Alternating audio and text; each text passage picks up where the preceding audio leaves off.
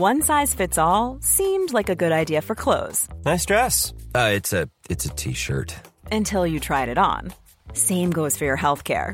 That's why United Healthcare offers a variety of flexible, budget friendly coverage for medical, vision, dental, and more. So, whether you're between jobs, coming off a parent's plan, or even missed open enrollment, you can find the plan that fits you best. Find out more about United Healthcare coverage at uh1.com. That's uh1.com. Burrow is a furniture company known for timeless design and thoughtful construction and free shipping, and that extends to their outdoor collection. Their outdoor furniture is built to withstand the elements, featuring rust-proof stainless steel hardware, weather-ready teak, and quick-dry foam cushions. For Memorial Day, get 15% off your Burrow purchase at burrow.com slash ACAST and up to 25% off outdoor. That's up to 25% off outdoor furniture at burrow.com slash ACAST.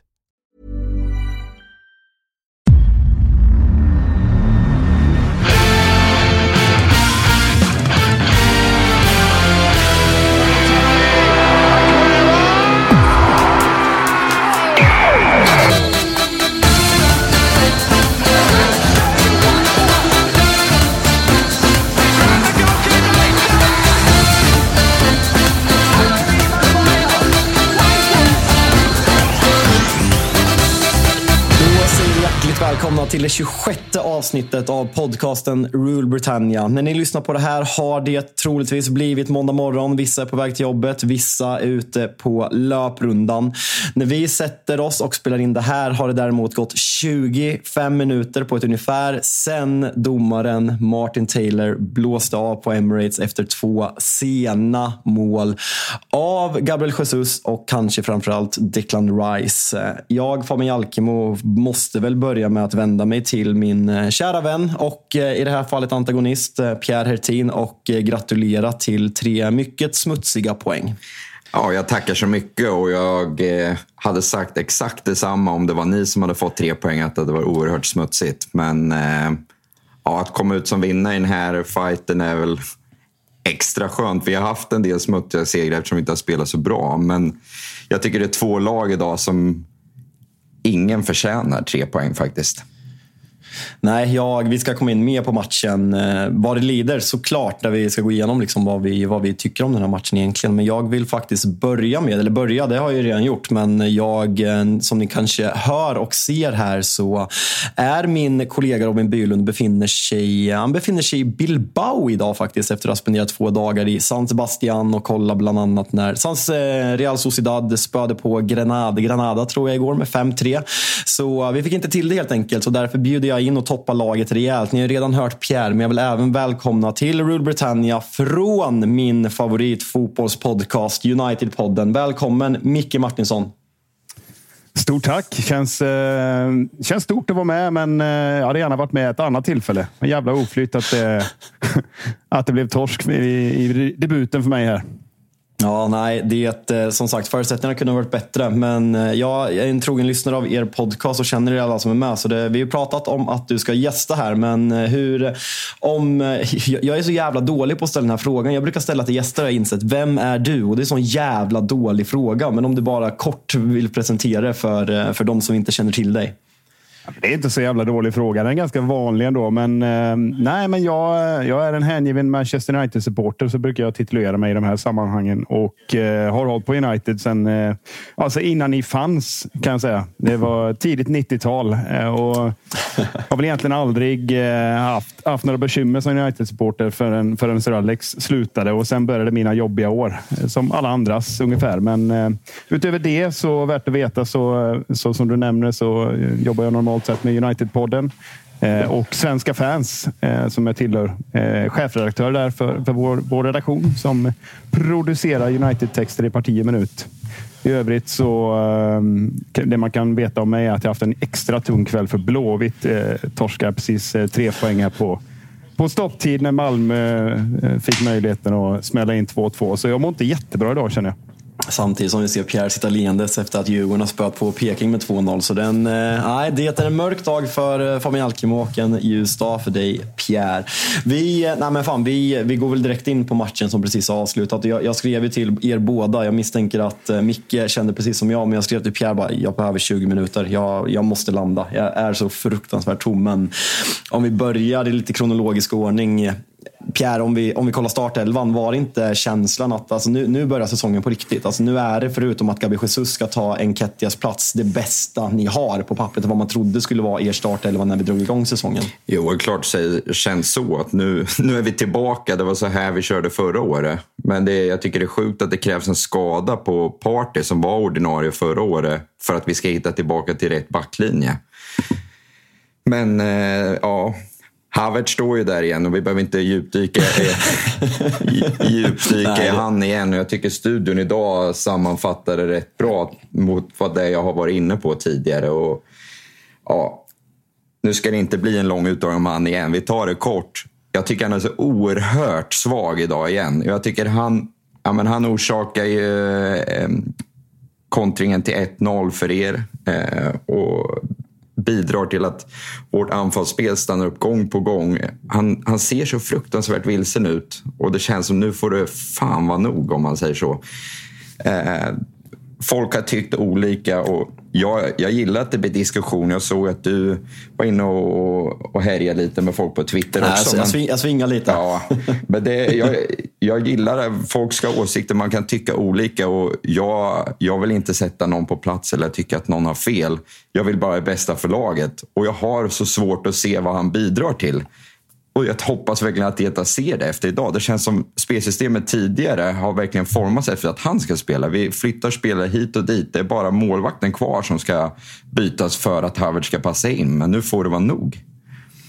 Ja, men alltså, som, som, du är inne på, jag är fascinerad över det där. Jag har som sagt också jätterespekt att folk tycker det är olika och det är därför vi kan sitta här i poddar. För om alla hade tyckt likadant hade det varit jävligt tråkigt att lyssna på. Men just Kai Havertz är jag väldigt fascinerad efter de här första fem eller sex matcherna han har spelat för klubben. Att folk kan sitta och försvara hans insatser. Jag har full respekt för att man kan tro att det blir bra, att man ser någonting. Men av de här matcherna så måste man kunna se att Arsenal sålde en åldrad, fram till sista säsongen, extremt ifrågasatt Xhaka och ersatte honom med en väldigt dyr spelare från lokalrivalen i Chelsea. Och man har tydligt blivit sämre och han har inte hittat sin roll. Om vi, bara, vi, ska, vi ska inte gå dit långt, men Micke, vad, vad är din, dina intryck av Kai Havertz första tid i Arsenal? Nej, men eh, man funderar lite på varför man har värvat honom. Så jag kan inte komma på något annat att man, än att man vill ersätta just Xhakas egenskaper. Du får, har inte riktigt den vänsterfoten, men jag gissar på att man vill ha de här löpningarna in som man gjorde innan han la sig ganska enkelt där för, för den, den påstådda straffen som underbart nog eh, inte blev av. Men det hjälpte inte så mycket. Men, nej, men i övrigt så jag har aldrig sett honom som en åtta överhuvudtaget. Han spelar väl nia eh, rätt mycket i Chelsea och spelade väl tia i, tidigare i sin karriär och kändes rätt giftig där. Det är lite grann som du är inne på. Jag förstår inte riktigt vad det är man försöker göra mer än att ha ett extremt tålamod för att pressa in honom i det här laget. Och hittills så eh, har inte jag sett någonting som imponerar. Nej, och som åtta otroligt svag och folk vill se honom som nio och vi såg honom som nio i Community Shield. Men jag tycker vi har minst tre spelare som jag hellre ser kliva in där och bidra. Han får ju en otrolig chans i första, den när han eh, tar emot den och sen ska få till någon halvvolley som är Alltså jag spelar i division 3 just nu. Folk hade skrattat om någon gör det avslutet där. Han missar. Det är ju tre meter från mål. Du kan ha tid att lägga ner sidan till en Kettia, vad som helst. Men de kvaliteter man ser både där i felvänt spel, kontringsspel. Han hänger inte med. Är, han är vilsen. Men eh, jag vill inte att det här blir en podd om honom igen. Nu, vi, vi har vunnit och vi ska vara glada. Jag, jag blir bara irriterad. Men det, det, är så mycket, för jag tycker vi är hacka i spelet idag och vi borde ha vunnit den här matchen så som vi startar kanske första 5-10. Där vi verkligen har energi och det är lite som förra året. Jag såg i, i paus att jag på mobilen och såg att du hade skrivit det här blir en lång match i Alkemo. Eh, och så tyckte jag också första 5-10 att vi är så mycket bättre. Men sen är det på något sätt att det stannar upp och det blir hackigt. Eh, och visst, jag, United är inget lag som det, det florerar kring just nu heller. Men ja, på något sätt blir det långsamt och han, han måste, det måste vara folk som ser att han är en del av det tycker jag.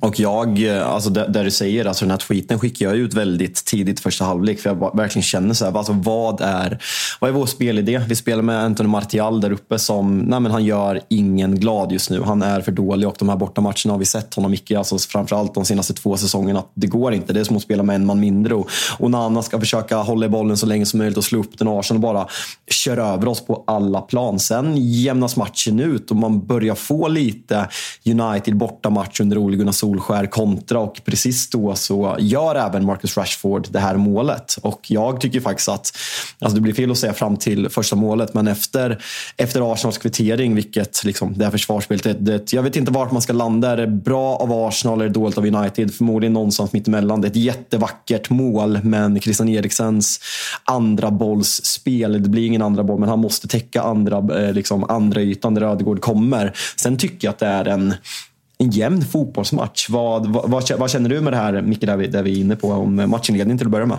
Jag tycker du ringar in, eh, om man tar Eriksens insats eh, eh, med de två situationerna som han är inblandad i. Den, den, fina passningen är precis det man vill ha ut av Eriksen i den rollen. Och eh, det försvarsspelet vid kvitteringen är precis det vi inte vill ha med honom egentligen. Så det är på något sätt att han sammanfattar sin eh, nuvarande status som, eh, som fotbollsspelare. Men inledningen är väl, tycker jag, lite, jag håller inte riktigt med. Jag tycker eh, vi ändå har rätt bra kontroll på Arsenal.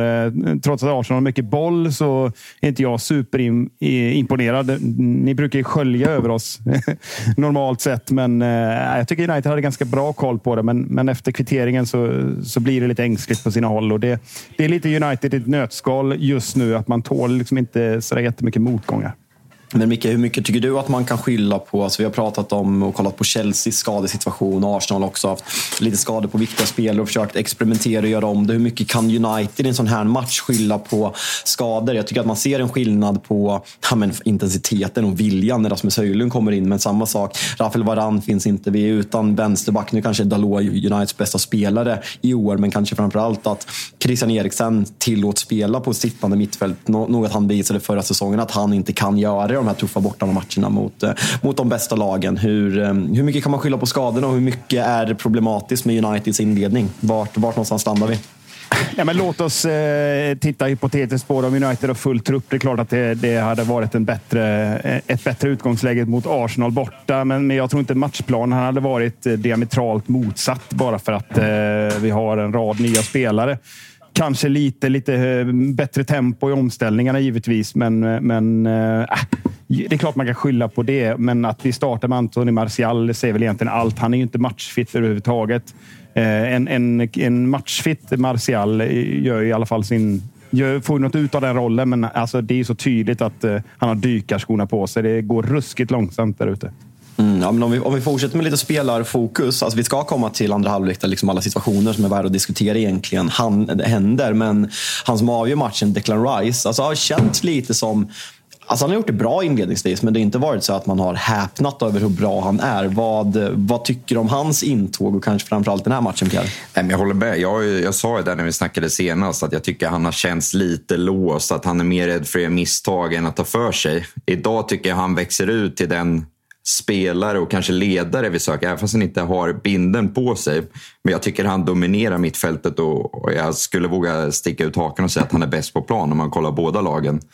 Eh, och, och, jag tror något sånt här mål, att få avgöra, få med sig publiken, få med sig laget. Alltså det kan verkligen få en... Han kan släppa prislappen och fokusera på det han är här för. Eh, och jag gillar verkligen... Han har ju flera dueller i första när han vinner boll, tar med framåt. Eh, och, och, det är liksom... Ja, vi pratar om att Granit vi har tappat honom, men det här är ju en uppgradering om man bara ska jämföra dem emellan. Och idag saknar vi Party, men eh, han växer verkligen i den rollen och jag hoppas att det här är något som kan få honom att lyfta. Men om man, om man ser liksom balansrollen. Jag har ju varit kritisk mot Casemiro, att han inte ser fit ut. Att han inte ser ut som den Casemiro som vi värvade och har vunnit alla Champions League Han ser otroligt hungrig ut. Alltså de där kinderna, det är så här, fan, pizzabagare, varning. Alltså jag, jag, jag var ju faktiskt, vi, eh, vi körde Tutto Live Weekend i, eh, i lördags och då hade vi med en, en, en La Liga-expert som Leo heter han, som är halvbrasse. Och han bara efteråt, fan ska du ska träffa en polare? Det är brasiliansk festival i Kungs pizzan. Jag var så här, ja, det var svarta bönor, det var ris och det var picanha. Men jag bara, fan, vad är det som är så jävla onyttigt som gör att de blir så jävla feta på sommaren? Är det caprinja eller vad, vad är det som sker egentligen? ja, det är tydligt. Ja, tydligt att det är mycket kalorier eh, på plussidan där. Slarvat med joggen. Ja, nej, men gällande Casemiro, alltså, jämför alltså, fysiken och drivet och pondusen den här matchen kontra Declan Rice på det där centrala mittfältet. Sen är Uniteds liksom Bruno Fernandes har ännu en sån här match där han mest springer och gnäller och tjurar. Och det, är så, det, det är så jävla konstigt, för liksom, han, han, han får den kritiken i matchen mot Spurs. Sen han Helt överlägsen bäst på plan i Nottingham. Eh, kanske ja, men hela förra omgångens, en av de absolut tre bästa spelarna säger jag utan att vara för färgad. Och sen så kommer en till sån här insats och det är liksom på bortaplan. Varför funkar det inte?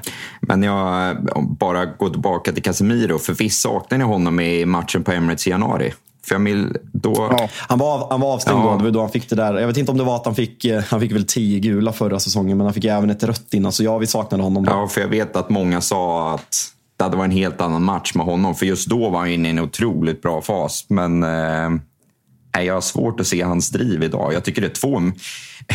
Declan Rice känns som egen dominant, men åt båda håll. Det är ju på mittfältet det tappas otroligt mycket boll och det svänger ju det, det, är två lag som vill spela från backlinjen och bygga spelet i lugn och ro. Men det görs otroligt mycket misstag på mitten och, och kontringar. Eh, det är under stora delar av matchen det är riktig Hawaii. Och det känns som ni gynnas av det i slutet som ni gör offside-målet. Så, men det känns som det är flera gånger att det är helt öppet att, att driva igenom vår, vårt mittfält, vår backlinje. Eh, och det är kanske i den fasen när en sån som Rice har börjat trycka framåt för att vi ska vinna matchen också.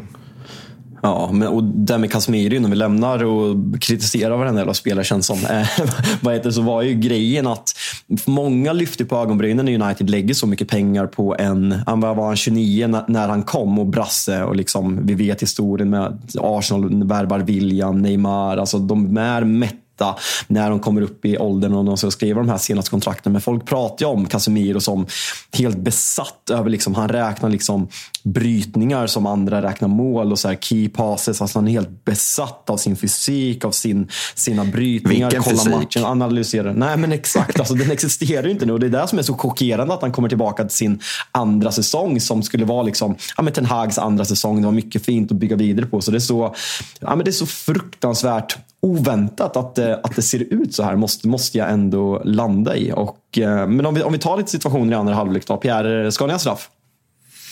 Ja, jag... Eh, man vågar aldrig jubla fullt ut nu för tiden. Men, men jag tycker, man ser direkt att det här är lätt. Sen så har jag sett straffar bli givna med VAR för mindre också. Så det man har så svårt att se det.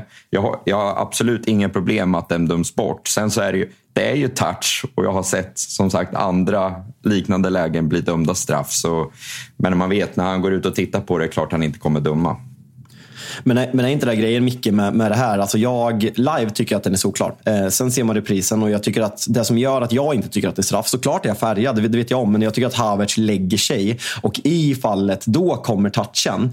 Och jag köper Arsenal-frustrationen på på att den tas bort. För man har sett, som du säger, det går att argumentera för att det är straff. Det finns en, det finns en kontakt. Det gör det verkligen. Och VAR som väl att känna det brukar inte ta bort när det finns argument att det finns någonting. Och därför köper jag en frustration kring Arsenal-supportrar. Trots att många kanske erkände för sig själva till slut. Det är nog inte straff, men man har sett värre situationer bli inte ändrade av VAR. Han springer in i en, i en rävsax. Det kommer, Casemiro kommer in från sidan. Eh, att han har ramlat på Wan-Bissakas eh, när han sätter ner benet. Där, lägger han sig där, då är det straff. Men sen som du säger så är det en touch i efterhand och då lägger han sig och då... I, precis som när situationen sker, då känns det ja, men det är straff. Solklart, tänkte jag. Och sen när man ser 10 000 repriser som varumet också ser, ja, men då ser man att han lägger sig vid fel tillfälle om man säger så. Och då, jag hade också blivit förbannad eh, om vi inte hade fått straff i motsvarande läge, men, men det är ju ingen straff. Det är korrekt avvinkat helt enkelt.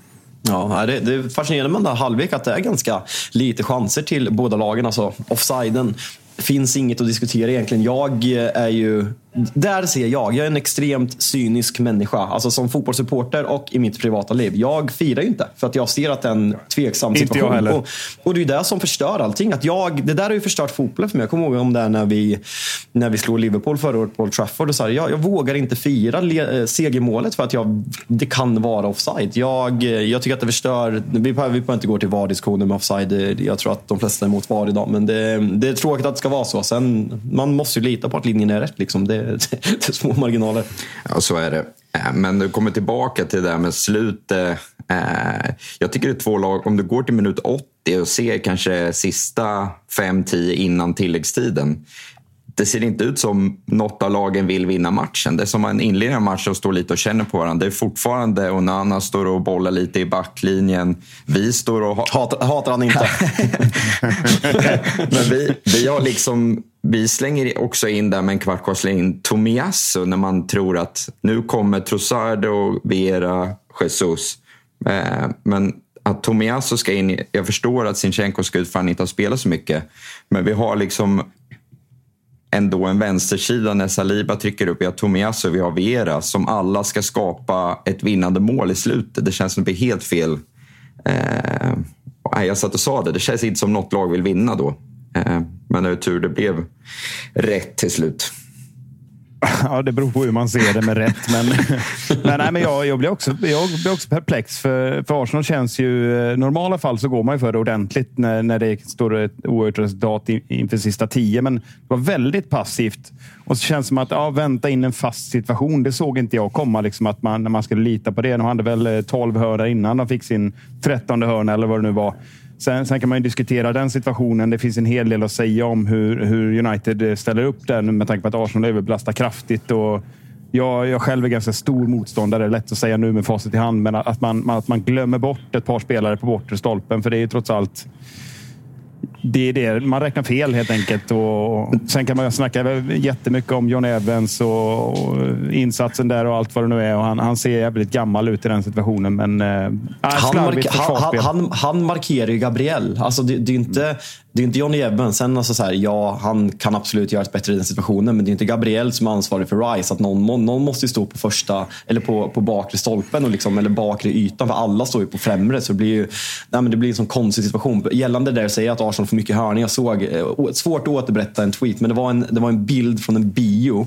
Där någon hade tre olika popcornsmaker. Så här, jättefint upplagt. Och då hade någon lagt upp så här, name a better threesome. Någon har ju subtweetat där och skriver Fambisaka, Martinelli, corner.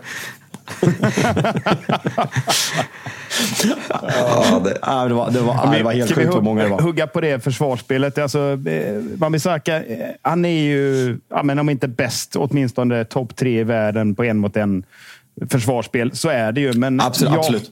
Jag har så svårt. Alltså han fastnar ju i tanken att han aldrig ska släppa in Martinelli på insidan. Och Det gör ju att det blir hörna hela tiden. Det är, ju liksom, man ser, det är omöjligt. Det kan inte bli ett annat utfall om du följer honom hela vägen ner och är passiv som han är.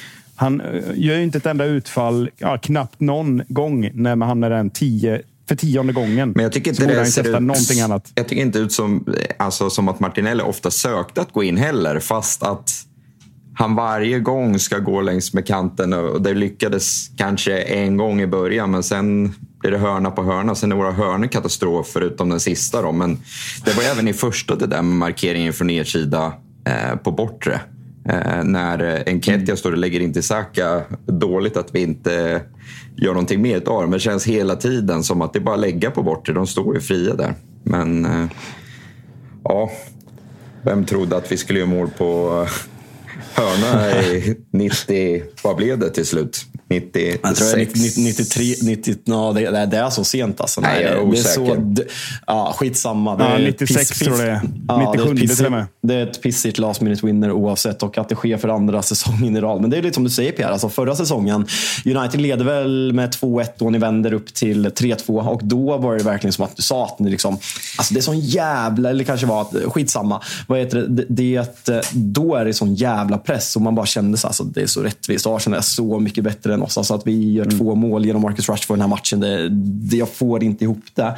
Men om man bara kollar på Liverpool. Alltså jag och Robin har ju suttit och ja, men varit ganska kritiska, kanske framförallt mot Liverpools försvarsspel. Att det ser ut precis som det spelet som gjorde att de kom på femte plats förra säsongen. Men den där segern mot Newcastle, jag tycker att man ser, vi ska komma in på den matchen senare, men att man ser den här matchen man gör idag mot Aston Villa. Man är helt briljanta, men är fullständigt överlägsna. Och vi har alla berömt Unai Emerys Aston Villa extremt mycket. Men tror att det här kan ge någonting. Som du säger, man ser Emirates kokar. Jesus får göra 3-1 målet.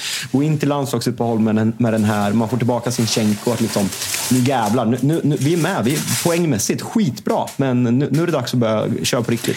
Ja, du säger poängmässigt där. På ett sätt är det också att fullen poängtappet svider lite mer och du landslagsuppehållet med. Jag tycker det är synd att vi ska gå på landslagsuppehåll nu. Det var ju finare om vi ska köra igång Champions Nej, det är så League. Skönt.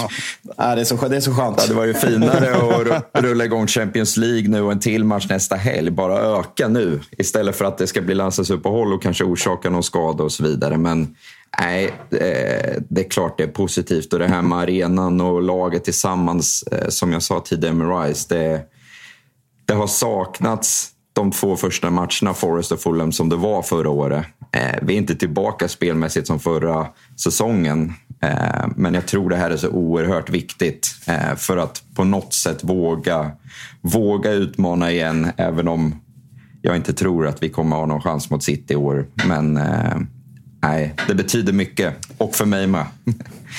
Nej, men Ten Hag fick ju frågan på presskonferensen om den här matchen var liksom avgörande på något sätt. Nej, men då svarade han den är, nej, den är inte avgörande, men den är vägledande. Och Det är klart att som fan att det är ett litet vägskäl. Arsenal efter en trög inledning, framförallt spelmässigt tycker jag. Eh, inte imponerat. Fram, mot Fulham var de inte bra tycker jag. Det är klart att fan det är viktigt för er att få den här jäveln eh, och det svider ju för oss med tanke på att vi kunde ha fått med oss alla tre med lite tur. Så nu känns det ju liksom som Fabbe säger, liksom, det, det kommer rätt skönt där med 12 stader och, och eh, hackande spel för oss med ett litet uppehåll. Men om, vi, om jag skickar samma fråga till dig Mick som jag gjorde till Pierre, fast med eh, United. Vad, vad gör det här av United? Alltså det här var säsongen. Man gick in med liksom en jävla tro efter förra säsongen. Ten Hag har fått in ännu mer av sina spelare. Mount har väl inte varit toklyckad, skadad idag. Onana, ja, man blir inte riktigt klok på honom. Och sen så Rasmus Höjlund som vi fick se lite glimtar av idag. Sen ska vi säga eh, Regulan in på lån. Fan glömt att det varit Ednan. Det ska snacka lite värvningar också.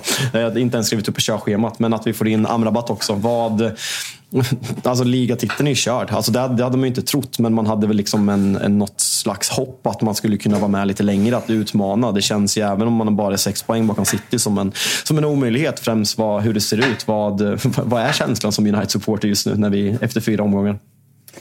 Man måste någonstans vara, se lite krasst på det och så titta liksom på toppkonkurrenterna. Eh, Chelsea är lite hela havet stormar, som vi kommer att prata om sen säkert. Arsenal har hackat lite. Liverpool har i och för sig börjat bättre. Eh, City är en jävla maskin. Tottenham har överraskat. Det är klart som fan att jag hade hoppats på att vi skulle ligga lite närmare City och kanske ha en 9-10 poäng här efter de här matcherna. Men nu är det inte så och det är ganska tydligt att vi har jävligt mycket skador och framför allt så eh, syns det att Ten Hags försök att flytta upp spelet 10 meter i planen överlag med ett helt annat mittfält. Det kommer ta lite tid. Så jag säger sätter mitt hopp till Höjlund där, för det var, det var dagens höjdpunkt när han hoppar in. Då mådde jag jävla, bättre. Jävla speed alltså. Ser ni hans löpning han tar när, när Rashford kommer till vänster? Stark och snabb ja, men Vilken fysik han kommer in.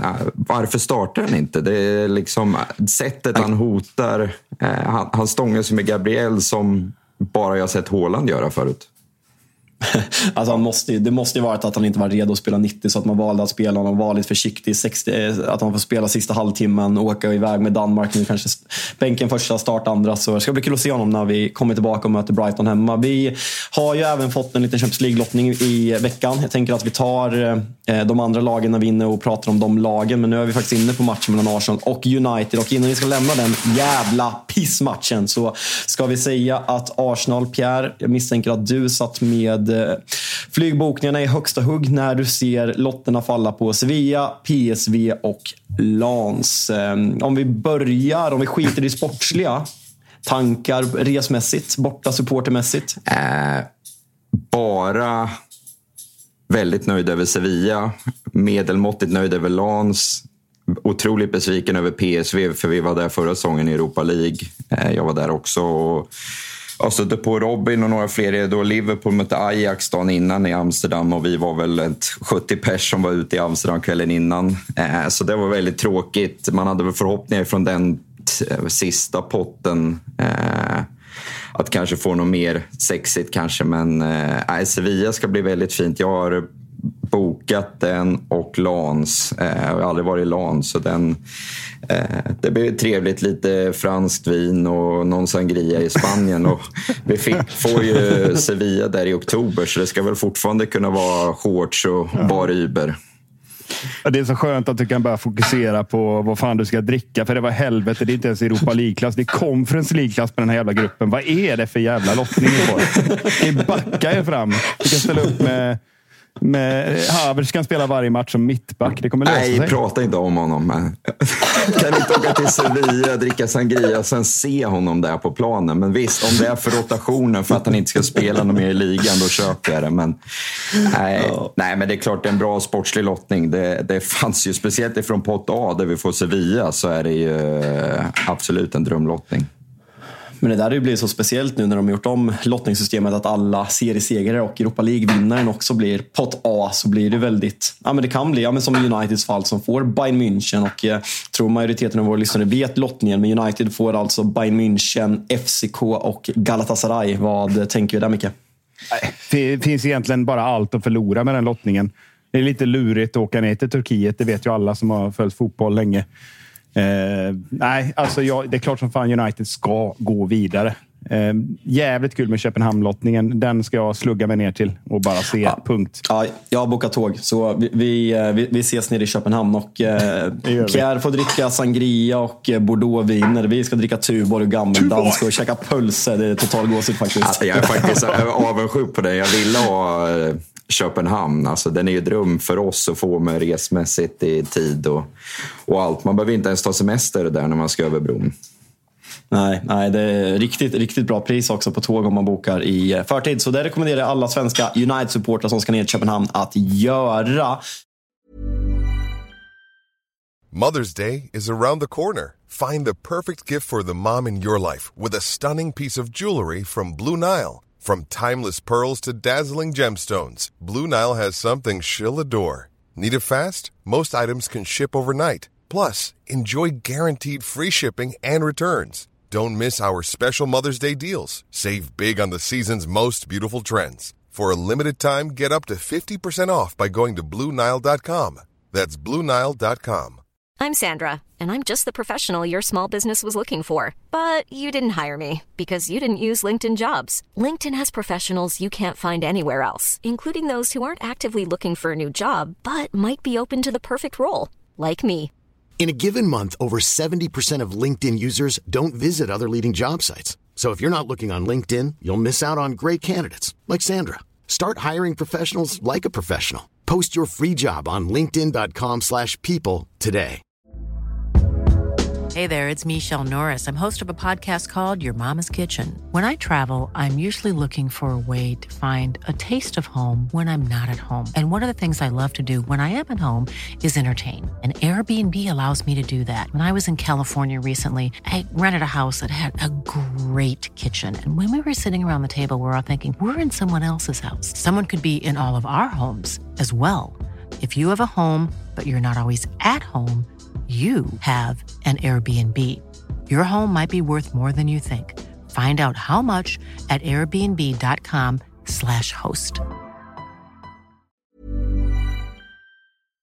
Fan, jag sa att vi skulle ta de andra matcherna när vi, när vi var där. Men eh, vi, vi kan väl, eh, jag tänkte att vi skulle ta Liverpool, men vi svingar väl över lite till och pratar Newcastle. Innan vi går över på matchen mot Brighton, där man alltså ännu en gång åker på en torsk, en ganska tydlig sådan, så hamnar man ju en riktig mardrömsgrupp. Alltså en jävligt rolig grupp för oss som är någorlunda neutrala i det här. Men man ska alltså möta PSG, Milan och Dortmund. Vad, vad, ger, vi, vad ger vi Newcastle för chanser att ta sig vidare i den här gruppen? Ja, jag hugger på den. Alltså, det är en ruskigt kittlande eh, jäkla grupp. Alltså, man, blir, man blir taggad på att se de matcherna på riktigt. För kan Newcastle hitta sitt omställningsspel så, eh, så kan de ju slå alla lagen. Men de kan också torska mot alla lagen. Så jag vet fan eh, Dortmund får det väl eh, tufft, det är väl min känsla. Men annars tror jag det kan bli riktigt jävla sjöslag om de två, två platserna. Ja, jag skulle säga att jag tror, eh, jag tror de går vidare. Jag sticker ut hakan och säger det, men det känns som verkligen alla i gruppen kan kan vinna allt, alla kan förlora allt. Eh, men jag tror då, nyckeln för dem kommer vara hemmamatcherna på St. James'. Jag tror det kommer vara ruggigt tryck. Eh, de har väntat på det hyfsat länge. Eh, men sen är det ju som du säger med Dortmund och PSG. Man vet inte riktigt vart man har dem nu med, med nuvarande trupp. Så jag tror, jag tror på Newcastle i det där, även om det på pappret ser, ser tufft ut när man bara ser namnen på lagen men inte tittar djupare. Det är matcher man ser fram emot ruggigt mycket. Alltså Milan också så här, alltså inför säsongen, stora frågetecken. Man gör om i sportsliga ledningen, Zlatan försvinner, man tar in mycket värvningar. Det var ifrågasatt, men nu har man istället börjat, börjat hylla dem. Och vi pratade om det här med Kristoffer Svanemar i lördag som höll Milans fönster som bäst i hela Serie A. Så eh, det där är ju en spännande och såklart att Tonali får återvända till Milano. Så det, det ska också bli kul och sen eh, få se PSG under Luis Enrique. Matchen då, Newcastle som började med uh, tre otroligt otroligt starka poäng i den här 5-1-segern mot eh, Aston Villa. Har sedan dess tre raka förluster. Hur mycket kan man skylla på schemat där man alltså har mött City, Liverpool och Brighton, varav två på bortaplan. Och hur mycket ska man börja... Mm. Eddie Howe, ska man börja ifrågasätta eller vad, vad, vad landar ni i? Alltså jag, jag tycker man alla hamnar ju där rätt snabbt, men det är lite samma sak för, för dem. Eh, gjorde en överprestation förra året, kommer in nu, ska plocka in några fler eh, russin i kakan, har ett jävligt mycket bredare trupp, bredare anfallsspelare. Det känns liksom på alla sätt att men nu är det bara att växla upp och så får man den utväxlingen första matchen och sen möta City och sen Ja, det är inga lätta lag de har stött på här inledningsvis. Och jag tycker väl så här, eh, visst resultatmässigt eh, inte bra spelmässigt eh, helt okej. Okay. Jag tycker det är snarare där bak de har blivit blottade flera gånger om och, och eh, Dan Burn har ju haft en katastrofal inledning på säsongen får man ändå säga. Undrar om eh, alltså Lewis Hall, om man kommer ta den platsen ganska fort. För det är ju, alltså det var ju defensiven som gjorde, det var det som satte grunden till Newcastles fjärde plats förra säsongen. Sen, sen, sen, är det så här samtidigt, jag vill inte bara sitta och prata skit om Newcastle. Man, Brighton charmar alla oss första två omgångarna. Sen kör man den insatsen mot West Ham där liksom David Moyes masterclass och sen så nu är man tillbaka och eh, även Ferguson, ingen ny bekantskap. Men för ett år sedan visste ju troligtvis ingen av oss, eh, av oss tre vem det var. Nu gör han hattrick och pratar som, som den nya Wayne Rooney. Vilken, vilken jävla insats han gör. Otrolig. Alltså jag måste bara, det är min favoritspelare utanför United. 100 procent. Alltså, ah, fan vad jag gillar honom. Och det är inte bara för Rooney-liknelsen, utan eh, det är alltså den typen av spelare. Man ser allt ifrån hans intervju efter matchen till eh, hur han agerar, eh, hur han är, ser så jävla självklar ut. Han hade oflyt förra året med den tunga skadan. Annars kanske han hade växlat ut redan då. Alltså, leder ett oerhört spännande lag. Och tänk att ha en sån spelare att förfoga över och se utväx utväxlingen framåt. Fan, grabben är bara 18 fortfarande, va? Är det så? Helt sjukt. Ja, ja, nej, väl, ja nej, jag tror han är 18. Men just den här grejen Pierre, att han, ja, men likt, grejen att man går till Rooney är att han ser så fruktansvärt mogen i sin, liksom, i sin storlek och sitt spel och sin orädsla i den här åldern och just i den positionen. Det är inte ofta man ser. Sen går du och kollar på spelare i Barcelona som dominerar centralt mittfält när de är 16 år och liksom ta den fotbollen. Men just den här monstruösa jävla brittiska fysiken, det, det gör något med den. Ja, jag vill komma tillbaka sedan. Ni var inne på Newcastle försvarsspel där i början. Eh, och, och Eddie Howe. Jag tror han har lite hjärnspöken nu med att gå på ett landslagsuppehåll efter att ha sett ut så här. Eh, jag tror de räknade in kolla gå tillbaka till halvtidsvilan mot Liverpool tror jag de tänkte någonting annat eh, mot vad de skulle gå ut med för, för resultat både där och kanske den här matchen. Eh, och jag tror överlag att de är otroligt missnöjda med starten på säsongen. Och ha det är tanken med att du sen ska gå in i en otroligt tuff grupp i Champions League. Det, de har lite att ta tag i. Eh, och jag tror inte jag var ensam. Jag tänkte att den här påverkan på laget skulle komma i och med Champions League. Att det blir fler matcher och att truppen inte är redo för det. Men att det redan nu ser ut på det här sättet är lite varningsklockor. Tränar Eddie Howe Newcastle i augusti 2024? Nej. Ja. Älskar dubbla svar. Måste gå till eh, lite svensk fokus här också. Måste även då passa på att eh, ja, men skicka en rejäl passning till eh, Marcus Tapper som är ansvarig för svenskkollen i Rule Britannia. Han spelade in svenskkollen förra veckan. Glömde skicka den. Så ett, Ja, men en, en varning till dig, Marcus Tapper. En muntlig varning här för mig. Och Det här är allvar. Sker det en gång till så då ryker du. Då tar vi in någon annan. Men, Vill gärna ha en uppdatering för... från parken i Norrköping också om, från han idag. jag, träffade honom, jag träffade honom faktiskt på en, på en öl innan matchen. Så uh, ja, förmodligen inte lika glad, riktigt lika glad nu. Men som sagt Marcus, du har en ny chans på torsdag. Eh, så uh, vi, vi, vi, ser hur det går helt enkelt. Men Svenskkollen är tillbaka på torsdagens avsnitt. Jag hoppas, eh, vi, vi glömde prata Lindelöf och nu har vi gått ifrån Arsenal United. Men han gick ut där. Eh, jag hoppas inte han är skadad. Jag tycker väldigt dumt att han inte fick ett rött och vilar inför Estland borta på lördag istället.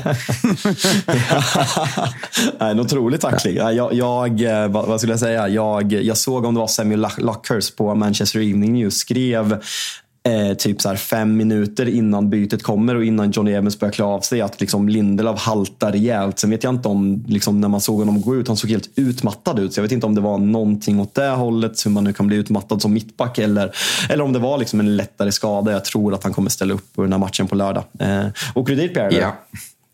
Klart ja, gör. Tallinn, Tallinn. Jag har aldrig varit i Estland så det blir fin bortamatch. Så jag flyger till Tallinn. Färja, färja eller? Nej, jag, jag har match själv fredag och sen har jag flyg eh, lunch lördag. Och sen är faktiskt ja, matchen spelas i lördag kväll och sen är jag flyg tillbaka vid midnatt. Så det blir bara en dagstripp.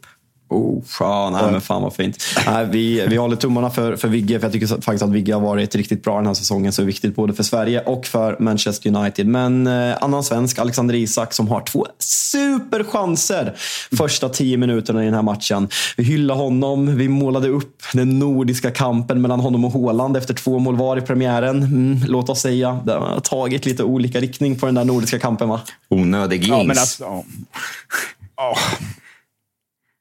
Nej, alltså fan Isak. Det, anfallarna mäts ju efter mål. Så är det ju bara. Det, man kan inte säga något annat. Det, han kommer till chanserna. Han, eh, han är helt klart nyttig för laget. Han, eh, det känns som att han har en kvalitet i sig. Eh, det är bara ketchup-effekten kommer. Men då måste man börja sätta dit chanserna. Och det, det är klart, när du har en en ersättare på bänken som gör mål eh, varenda gång han kommer in i stort sett så, så blir det den där pressen och när matchklockan tickar upp på 64 minuter då vet man att eh, sekunderna är få för Isak innan det är dags för byte. Och det, det måste vara rätt jobbigt att spela så. Jag tycker de borde spela med bägge två då och då.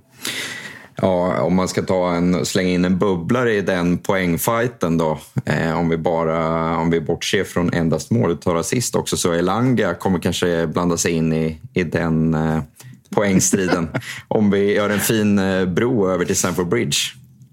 Rhythm is a dancer, Anthony Elanga. Ja, men vilken, eh, vilken, eh, vilken start han har fått. Alltså hoppar in där, gör assist, får en assist till och sen så ja, men avgör på Stamford Bridge. Och vi hade ju Daniel Joano eh, med oss i, i torsdagens avsnitt där vi pratade Chelsea och Robin kanske var lite mer kritisk än vad jag var då jag har blivit ganska imponerad av Chelsea. Men här, alltså Nottingham hemma, ehm, Chelsea är inte bra här. Och Pierre, du hade väl läst något tweet att man hade kunnat spela tio halvlekar, hade ändå inte blivit mål. Sen att att Niklas Jackson kanske borde ha gjort mål på framspelning av Sterling på den här snett inåt bakåt. Men eh, nej, Chelsea, jag får fan inget grepp på Chelsea i år efter fyra matcher. Nej, och sen ska vi säga också att Nottingham har ju fan inlett riktigt starkt. Stör både Arsenal och United rätt grovt och, eh, och här gör de en prickfri bortamatch.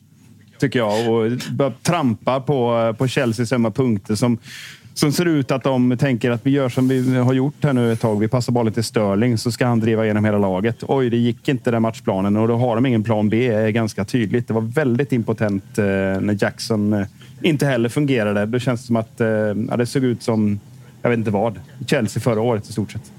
Men gällande, gällande Nottingham, som du säger, alltså det har gått lite under radarn. De har haft ett jävligt tufft schema. Är det, alltså hur mycket är det på grund av att man har svårt att ta Steve Cooper seriöst som en bra tränare? Mycket på grund av liksom det klassiska brittiska. Han är väldigt klassisk brittisk ork-liknande utseende. Är den galna... Är, Det klassiska också. Han och eh, Jay Spearing, gammal Liverpool-spelare. Eh, nej, men vad skulle jag säga? Nej, men, och sen den här galna grekiska ägaren, att man bara värvar och värvar och värvar. Och nu skulle man ta in Origi. Liksom så här, om jag frågar er, vilka tog Nottingham in på deadline day? Man har ingen aning. Mo, mo, vad hette han? Eh, Origi tog man in på lån.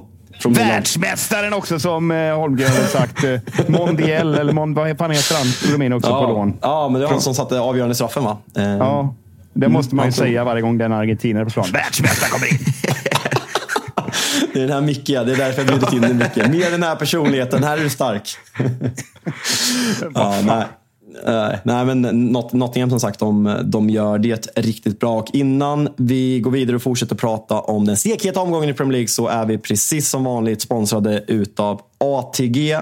Eh, ni finner som vanligt våra spel på atg.se tutto. Vi kör andelsspel. Ni får lyssna på Spelsur med Olen som Thomas Wilbacher har varje lördag. Marcus Tapper gör andelsspel på Big Nine via Tuttosvenskan och även tripplar. Och eh, precis som vanligt måste man vara 18 år för att spela och har ni problem med spel finns stödlinjen.se.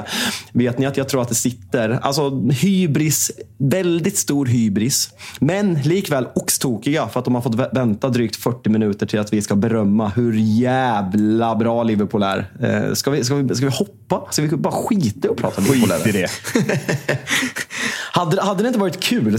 Se så här Robin Bylund sitta på planet hemma, men jag ska ladda hem Rule Britannia nu. Off, la- ladda hem den offline så jag kan lyssna på planet och sen bara blåser Liverpool. Bara skiter i dem. bara, bläddrar och bläddrar, de kom aldrig till det. Sitter så här med, jag vet att han lyssnar typ så här i 1,8, sitter så här och spolar 30 sekunder. Bara, "Vart fan, fan är de? Nej, men Liverpool. Eh, ja. Jag vill- Som, som jag sa förut, ja, kör Pierre. Nej, men jag vill bara säga, ni tyckte vi vinner grisigt och avgör i 96 med en fast situation. Jag har inte tänkt på det förut, men det är att Liverpool förra säsongen var det laget som gjorde flest mål på fasta situationer. Eh, och jag tycker man ser att det är ingen slump idag. Eh, det är väldigt inövat och ja, men görs med kvalitet. Eh, sen ska vi inte bara prata fasta situationer, men eh, väldigt stabil insats och det är lite det Liverpool eh, man var vana vid att se, men kanske för tre år sedan. Och kanske framförallt det som är imponerande är att vi pratat och kritiserat Liverpools försvarsspel. Alltså Trent gör en väldigt bra match här. Jag har ju varit på honom väldigt mycket, kanske framförallt på mitt Twitterflöde för att få in sekten. Eh, och sen står jag där med mitt svärd redo, men att man med Joe Gomez och Joel Matip gör den här insatsen med två ordinarie mittbackar borta. Det såg ju du och jag mycket att det är inte är så jävla lätt att ha två eller tre ordinarie mittbackar borta i slutet av den här matchen. Och eh, Curtis Jones som ja, men som jag och Robin har frågat lite. Vart, vart är han? För han avslutade förra säsongen bra. Han var bra på försäsongen. Ändå petad den här matchen trots att man inte har sina två ordinarie mittbackar. Så inte jag komma, men eh, Liverpool är bra. Eh, Darwin Nunez fortsätter på inslagen väg och är riktigt bra trots att han borde göra något mål mer, kan, kan man tycka.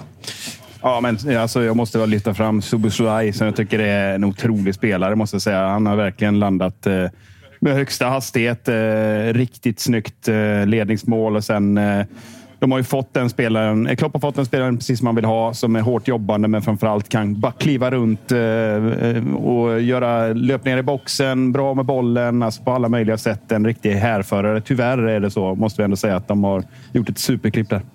Robin Bylund skrev på Twitter förut att det är säsongens värmning hittills. Har vi några motbud eller får vi för första gången i våra liv igenom rätt?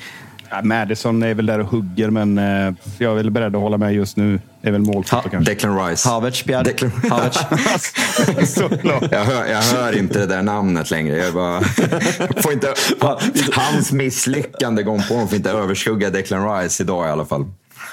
Jag eh, lyssnade på Alex och Sigges podcast när jag var ute på en löprunda i morse och de, DN hade gjort en artikel om, om dem och analyserat podden genom, genom alla år.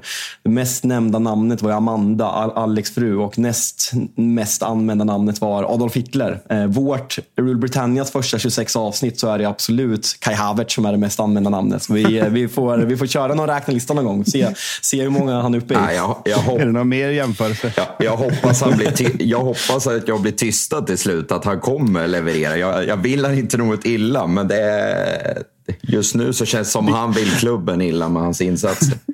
det, det är en ruskig hang-up på honom. Det är lite som du hade med Wan-Bissaka tidigare där, Fabbe. ja, den, den, finns lite kvar, fast Anthony har tagit över. Men vi, vi landar i alla fall i att Kai Havertz är Rule Britannias Amanda Schulman. Eh, såg man inte komma att man skulle prata om när man startade den här podden. Eh, vi kör så här, alltså breda jävla snabba övergångar, kvicka som vi är här i Rule Britannia. Och du var inne på James Madison. Spurs åkte till Turf Moor, det här magiska, bästa nykomlingen genom tiderna med den så otroliga tränaren Vincent Company. Jag väljer fan att börja med det pissiga i den här matchen. Burnley har alltså släppt in 11 mål på sina tre första matcher i Premier League. Har noll poäng. Hur besvikna är vi på Burnley egentligen? Alltså, det här såg man inte komma. Jag tycker framförallt också på hemmaplan. Det spelar ingen roll att Ja visst, Tottenham ser tyvärr väldigt bra ut men, och att de möter Manchester City i premiären. Men hemma på Turf Moor, det är där de ska ta sina poäng om de ska klara sig kvar. Och det är där de har varit starka tidigare. Eh, men försvarsmässigt, det är ju riktigt svagt. Eh, det är ju ett, ett lag som Newcastle förväntar vi också vara starka försvarsmässigt. Men det är just här där de ska vinna poäng på att de är tajta bakåt och kanske inte levererar framåt. Men eh, jag har svårt att se att de klarar sig kvar om det fortsätter så här och jag eh, chippar till eh, Vincent Company att det är dags för Hjalmar Ekdal. Ja, han är väl skadad eh, just nu. Det är väl eh, lite segt, men alltså, det går inte att jämföra Eh, kompani med Klopps eh, första stapplande steg i Liverpool eller Artetas inledning i Arsenal. Eh, men eh, kanske mer Bournemouth än Eddie Howe där. Att man, man bestämmer sig tidigt. Vi ska spela fotboll. Eh, det är Premier League, men vi kommer med ett Championship-lag. Vi värvar några spelare och så är man lite naiv och så trummar man på med sin idé. Och det är rätt tydligt nu med så många insläppta att det kanske är läge att, att prova och sänka laget, lagets ambitioner lite grann när det gäller spelet med bollen. För fortsätter de så här så kan det ju vara liksom, eh, kört innan jul.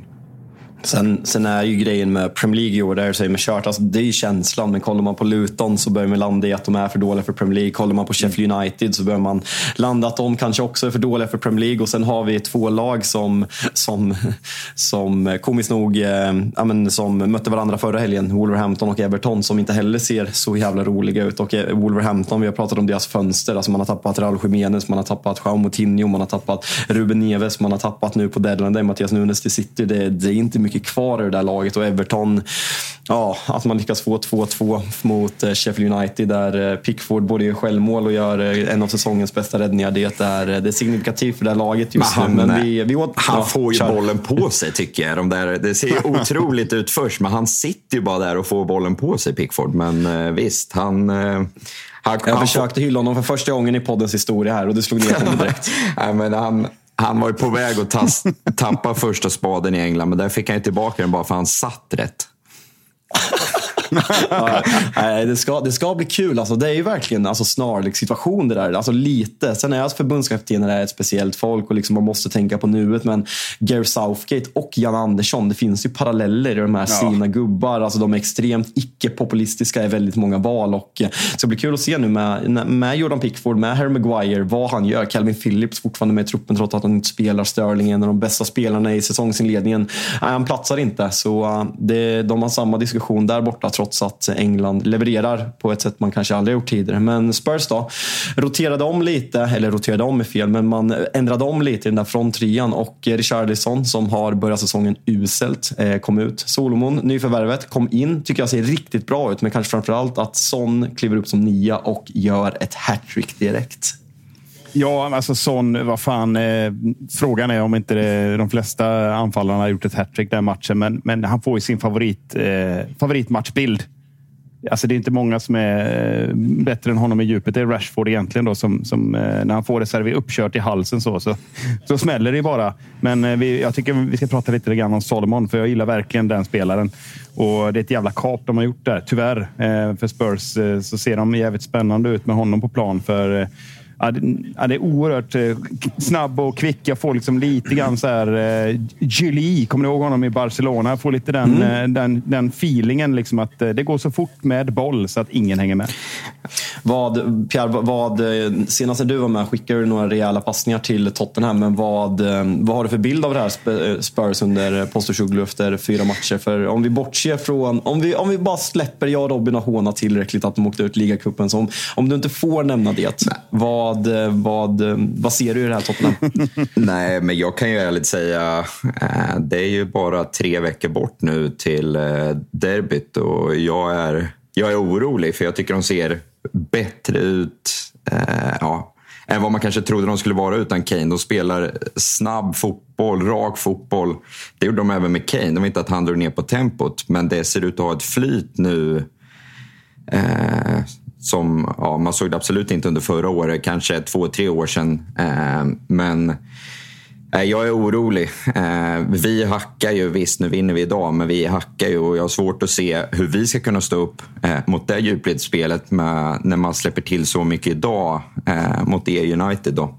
Eh, men samtidigt så Burnley jag blir så fruktansvärt trött när man går upp till 1-0 och sen ska släppa till de ytorna. Sånt får jag gå fritt i djupled gång på gång redan i första halvlek och, och det rinner iväg. Men eh, ja, jag skickar ingen ond passning idag utan jag erkänner att jag, jag redan har derbynerver. Men jag är ju såklart imponerad av eh, Postis-Per som jag väljer att kalla honom. Det är så jobbigt att säga hans efternamn, så någonting med post får funka. Men det är klart, flyttade på, eh, på tröga höj, Höjbjer och tröga... Vad fan heter han som spelar? Jag tappar namnet bara för nu, men ni vet mittbacken. Som, eh, som, som varit så jävla svag. Eric Dyer, Lengdia. Eric Dyer, ja, det, de, de Sanchez. Det, det, det, och, finns ett gäng. och så ersätter du dem med, med, med holländaren där och, och Sar som plötsligt på nytt för Det är klart att de har fått en helt annan speed i sitt spel. Och eh, Bentancourt kommer väl in sen också och kan krydda det där mittfältet. Så att Tottenham ser tyvärr, eh, för jag gillar inte heller Spurs, de ser tyvärr spännande ut och jag hade varit orolig om jag var du Pierre.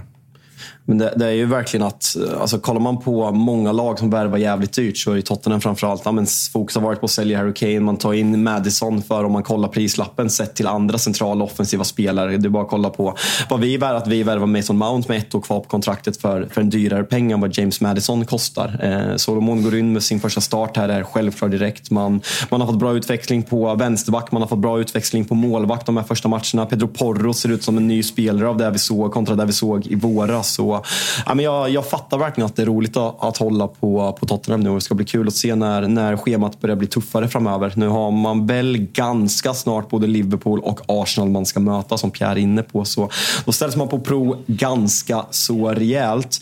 Vi snuddar över till City mot Fulham och känslan här var att det kunde bli blodigt på förhand. Men om vi bara, alltså det som jag tar med mig, hur fan i helvete, ursäkta att jag svär, kan det inte bli offside på City som det är 2-1 mål?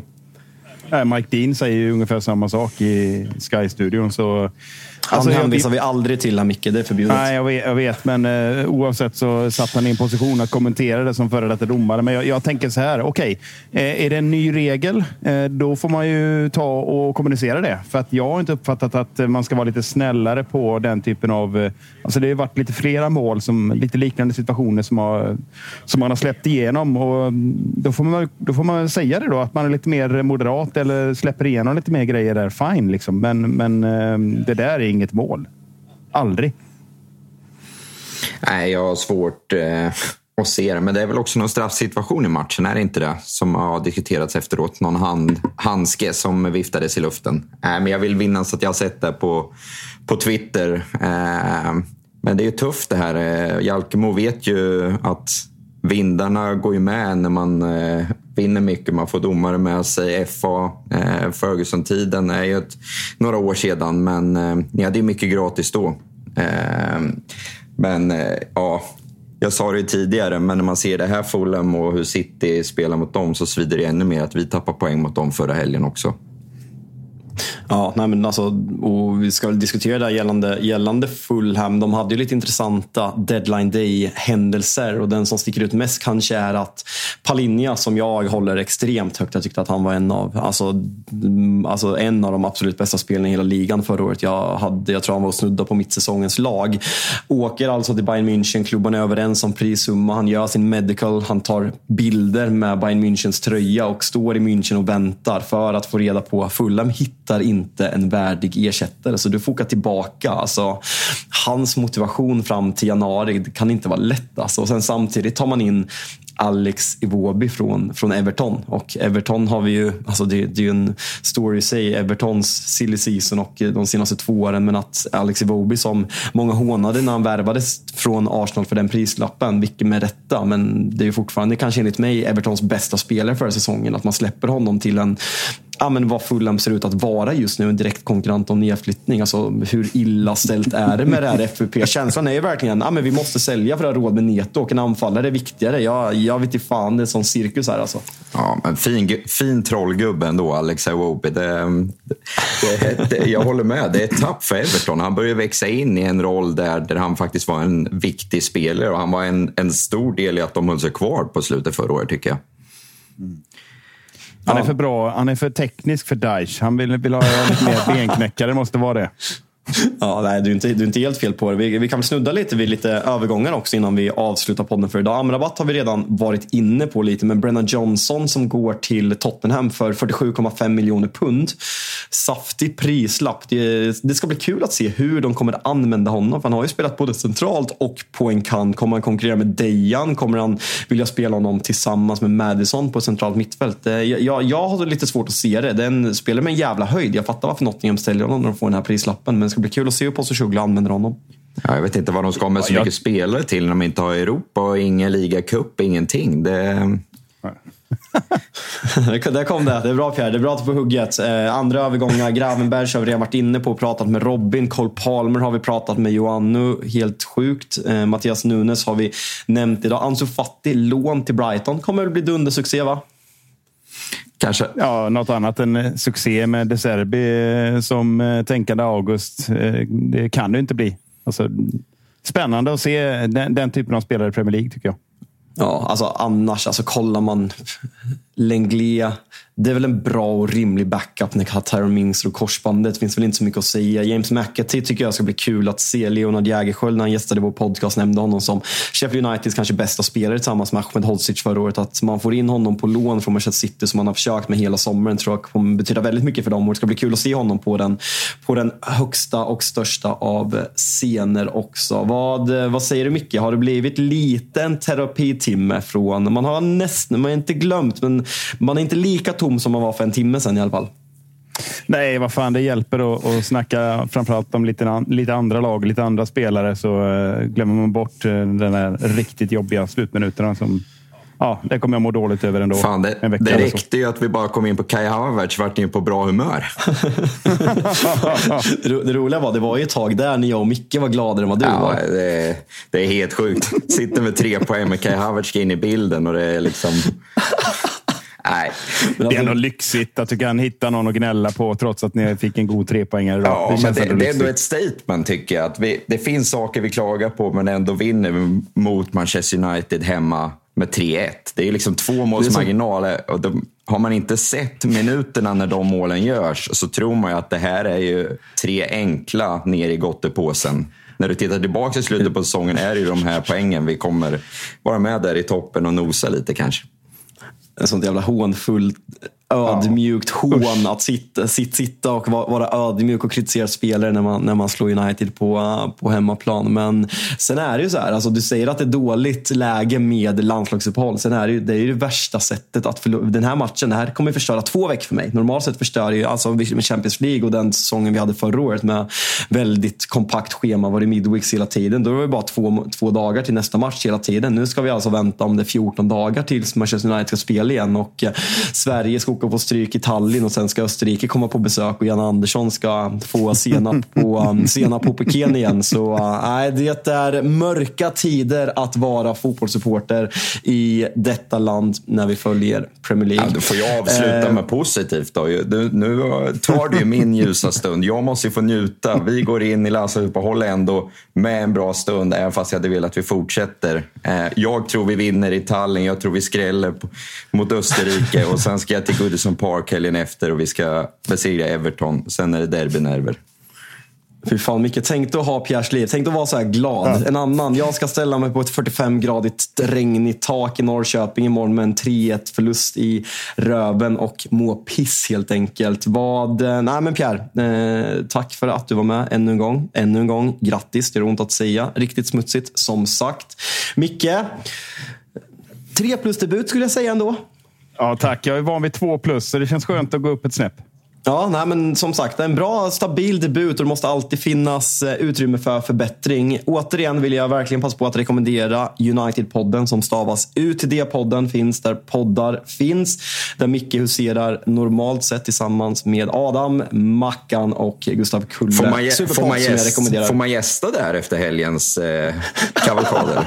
det, det, ser lite trångt ut. Det var 30 pers i kö, så en annan gång. Ja, jag köar länge igen gärna.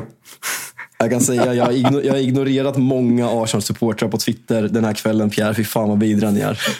Tack så mycket. Ja, du är välkommen. Du är välkommen en annan gång Pierre. Jag lovar. Ja, det, vi tar det gärna i samband med sådana här tillställningar där det har slutat gott.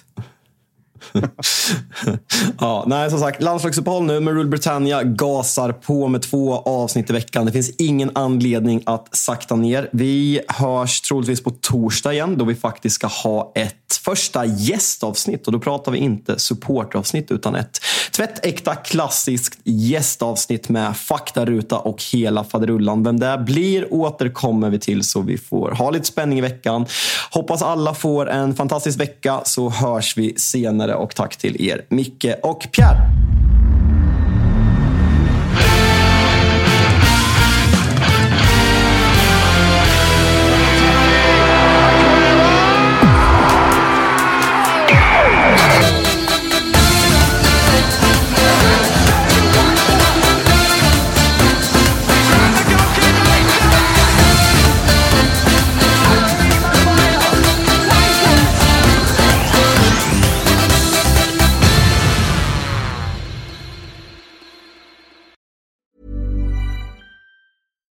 Deserves the best, and there's no better place to shop for Mother's Day than Whole Foods Market. They're your destination for unbeatable savings, from premium gifts to show-stopping flowers and irresistible desserts. Start by saving 33% with Prime on all body care and candles. Then get a 15-stem bunch of tulips for just $9.99 each with Prime. Round out Mom's menu with festive rosé, irresistible berry chantilly cake, and more special treats. Come celebrate Mother's Day at Whole Foods Market.